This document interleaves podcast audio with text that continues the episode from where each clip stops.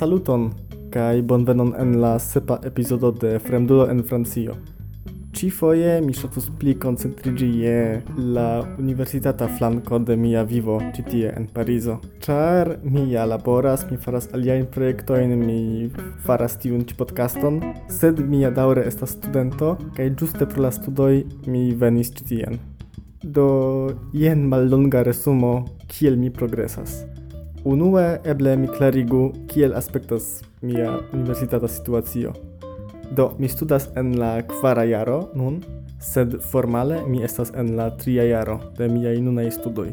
Kiel tio okazis? Do, antaŭ tri jaroj mi komencis paralele du trijarajn bakalaŭrajn studprogramojn. Do, tio estis aplikata lingvistiko kaj teorio de muziko. Aplikatan lingvistikon mi studis en Universitato de Varsovio, en Instituto de Aplikata Lingvistiko. Tiuj studoj estis tradukaj instruaj, do temis principe pri tradukado kaj pri lingvoinstruado. Miaj ĉefaj lingvoj tie estis la franca kaj la angla. Tio signifis, ke mi havis pli malpli la saman programon en la franca kaj en la angla, sed la diplom laboraĵon mi devis verki en la franca. Cetere, mia diplom laboraĵo temis pri nova terminologio en la pola traduko de la muzika traktato de la franca komponisto Olivier Messiaen. Kaj tiujn studojn mi finis ene de la normalaj tri jaroj. Tamen estis iom pli komplikece se temas pri miaj muzikaj studoj.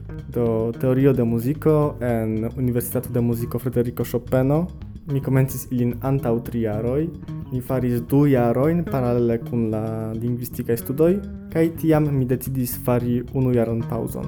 Tiu pauzo estis por ke mi povu pli trankvile prepari la diplomlaboraĵon por fini lingvistikon, sed eĉ dum tiu jaro mi havis kelkajn kursojn por ne devi fari ĉion poste.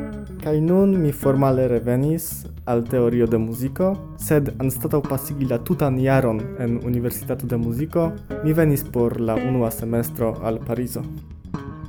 Kaj praktike kion mi faras, kiom da kursoj mi havas, kiom da lecionoj semajne, ĉu mi tro laboras, ĉu mi tro studas kaj tiel plu, Mi diru tiel, generale en la tria jaro de teorio de muziko ne estas multaj kursoj, do multaj tiuj unuopaj fakoj. Kai kiel mi am menciis, mi faris iom en la lasta jaro kaj ankaŭ iom en la antaŭlasta jaro.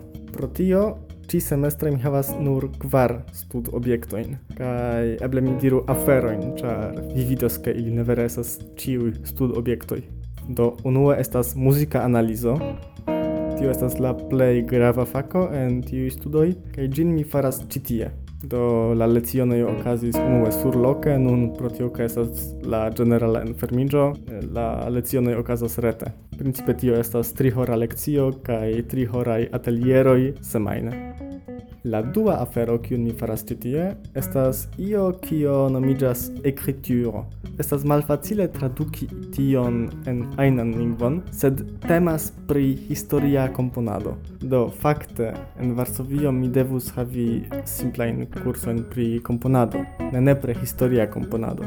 Sed pro tio ke la tuta sistemo aspektas iom alie ĉi tie, do estas multe malpli da individuaj kursoj kaj komponado estas rezervita strikte nur por por tiuj kiu studas komponadon, mi devas fari ion ni diru pli simplan, kai mi fakte ne plendas, char eble kvankam mi jam faris tion en lernejo kai en la unua jaroj en la universitato, la franca notacio kai la franca maniero por trakti la temon estas tute alia do et se mi ne lernas la studobjekton, fakte mi lernas ion. kai krome estas interese vidi ke la francoj konsideras iom aliaj komponadon modernan kaj komponadon laŭ diversaj historiaj stiloj. Poste la tria studobjekto, kion mi faras ĉi tie, estas la pola muziko de la dudeka kaj dudek unuaj jarcentoj.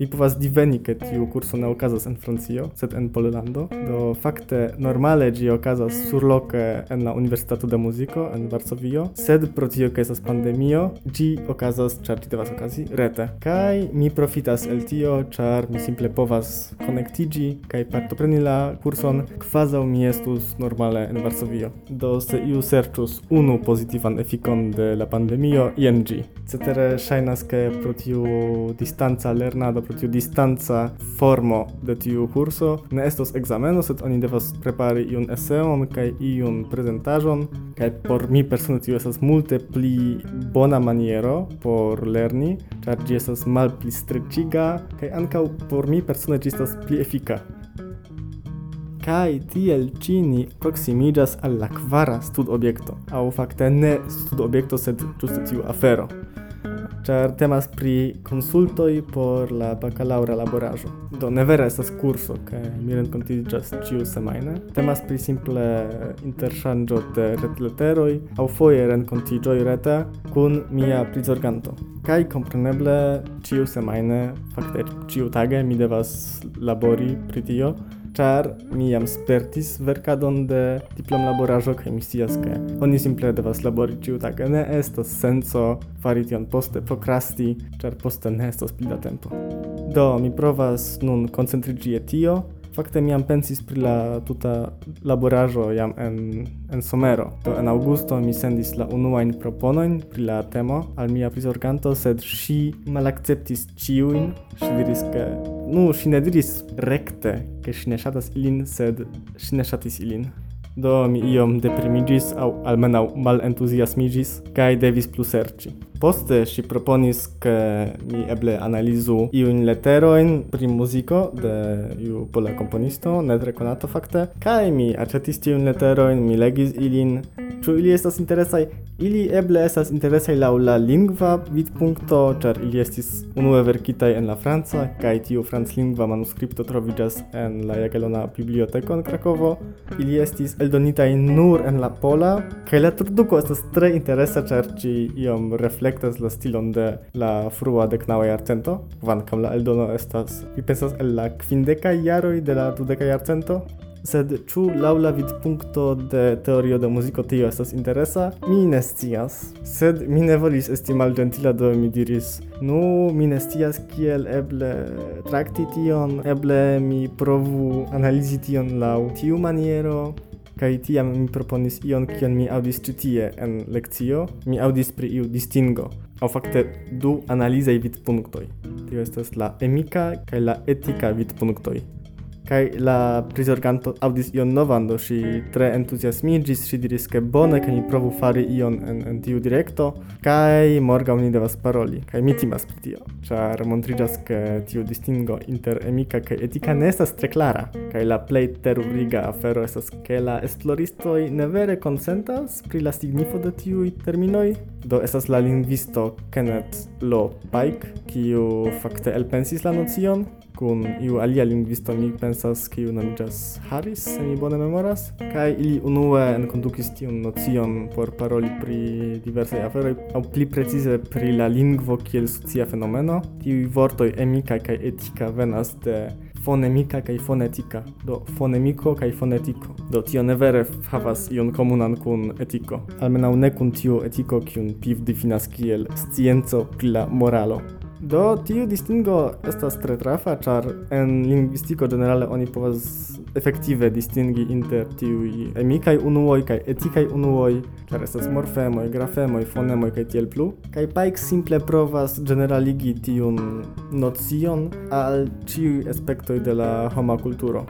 Tamen, la problemo estas, ke poste la nocio fariĝis tre populara inter antropologoj, kaj ili difinis iom alie tiujn terminojn etika kaj emika, do ili diras, ke emika signifas la vidpunkton de ene de unu kulturo, kaj etika signifas la vidpunkton de ekster la kulturo kiun oni analizas. Kaj nun mi simple relegas, relegas tiujn leterojn por provi iel adapti tiujn vidpunktojn al la materialo kiu mi havas? mi serĉis iom por trovi iun praktikan uzon de tiu distingo inter emika kaj etika en teorio de muziko. Mi trovis nenion. Mi trovis nur iun uzon en etnomuzikologio, sed tio estas tute alia afero. Do tio estas kaj bone kaj malbone, ĉar unu flanke mi ne povas uzi iun klasifikon kiu jam ekzistas, sed aliflanke mi estas libera por elpensi ion novan kaj ion kiu povas efektive helpi analizi la tekston kiun mi havas.